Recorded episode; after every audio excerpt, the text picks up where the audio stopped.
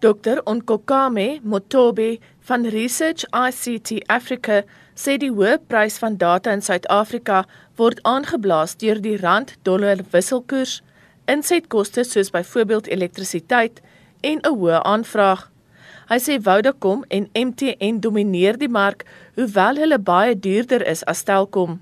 Hy sê die diensverskaffers is meer gewild omdat hul netwerke wyd versprei is en hul aflaaispoed vinnig is.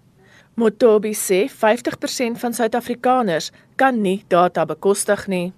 Our survey shows that uh, the cost of communication in South Africa, especially data, is kind of taking a significant amount of low income earners, and therefore, in most cases, it is unaffordable to people in lower pyramids. And our survey shows that of the 53% of the 47% that are not connected, they are all in lower income brackets. Die Right to Know veldtog het gesê arme mense moet verniet data, SMS'e en lugtyd kry. Cleopatra Shezi van Right to Know sê gratis toegang tot die internet is 'n basiese reg net soos gratis water en elektrisiteit. Die nommers wat gratis geskakel kan word, sê Shezi, moet uitgebrei word sodat dit ook skole, ambulanse en hospitale insluit. Right to Know het voorgestel dat die selfoondiensverskaffers self vir die gratis data betaal as deel van hul belasting of sosiale ontwikkelingsprogramme.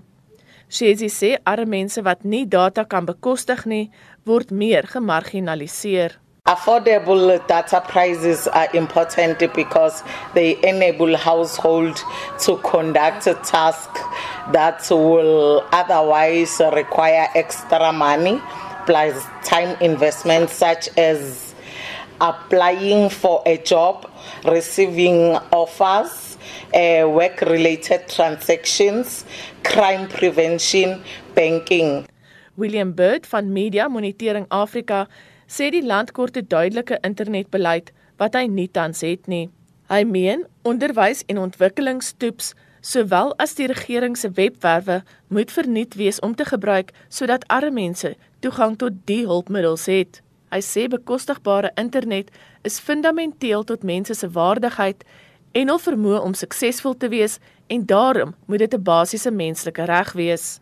This is about the people that live in our country, not necessarily about those that are lucky enough to be here. So it must be driven by human rights and it must also look at providing critical skills, especially for the marginalized. So again, it is about the cost, but it must also be about ensuring that people have the skills in order to engage. And if we're going to succeed in the next 15 or 20 years, every one of our citizens needs that. Because if we don't, again, we may not even be here to discuss this. Die ANC en Departement van Telekommunikasie en Posdienste sal môre hul voorleggings doen. Ek is Lela Magnus vir SAK nuus in Pretoria.